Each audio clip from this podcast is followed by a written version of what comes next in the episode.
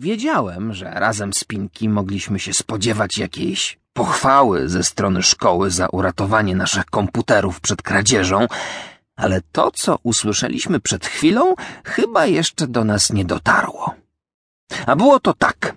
Dyrektor naszej budy, Fischer, ksywka docent, zaplanował niby to wymianę okien w sali informatycznej.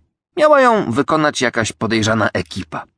Pinki przez przypadek podsłuchała ich rozmowę, a potem okazało się, że fachowcy to banda złodziejaszków.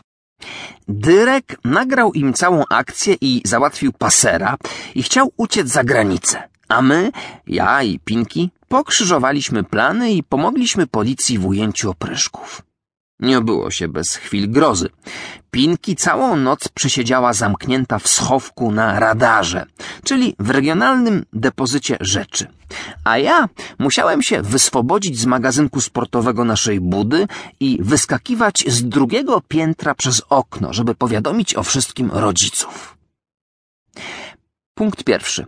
Szczerze wam gratuluję, moi mili. Usłyszeliśmy ponownie słowa komisarza Wójtowicza. Punkt drugi. Panie Piotrze, zwróciła się do policjanta moja mama. Nasze pociechy są chyba nieco zaskoczone. W takim razie dziękujemy w ich imieniu.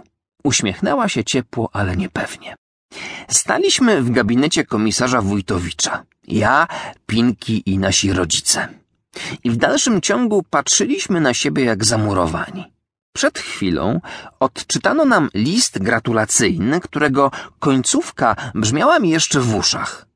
Oraz ufundowała dla wyżej wymienionych Leszka Morszola i Alicji Pankiewicz tygodniowy pobyt w Londynie wraz z rodzicami. Wszelkie koszty związane z wyjazdem i zwiedzaniem największych brytyjskich atrakcji zostaną pokryte przez referat edukacji i urzędu miejskiego. Dziękujemy. Powoli odzyskiwałem głos. I, i, i ja, my nie spodziewaliśmy się tego, dodała Pinki. No, mam nadzieję, szeroko uśmiechnął się komisarz.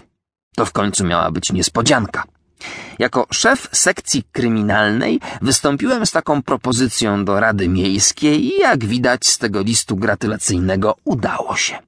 I powiem wam w zaufaniu, ja również wybieram się na tę wycieczkę. Hurra! krzyknęliśmy prawie jednocześnie. Czy wraz z rodzicami naprawdę oznacza, że my też mamy się przygotowywać do wyjazdu? Dopytywał się mój tato. Rodzice Alki nadal przyglądali się temu z niedowierzaniem. Oczywiście, odparł komisarz. A ściślej biorąc do wylotu, e, dokładnie pojutrze. Do wylotu? Zaniepokoił się ojciec Pinki. Oj, Wojtku, napomniała go pani Pankiewicz. Mógłbyś w końcu przyzwyczaić się do pewnych rzeczy. Popatrzyła teraz na niego jakoś tak opiekuńczo i w mig pojęliśmy o co chodzi. Ojciec Pinki najwyraźniej bał się latania samolotami. Nie, no, ja wiem, odpowiedział czerwieniąc się z lekka.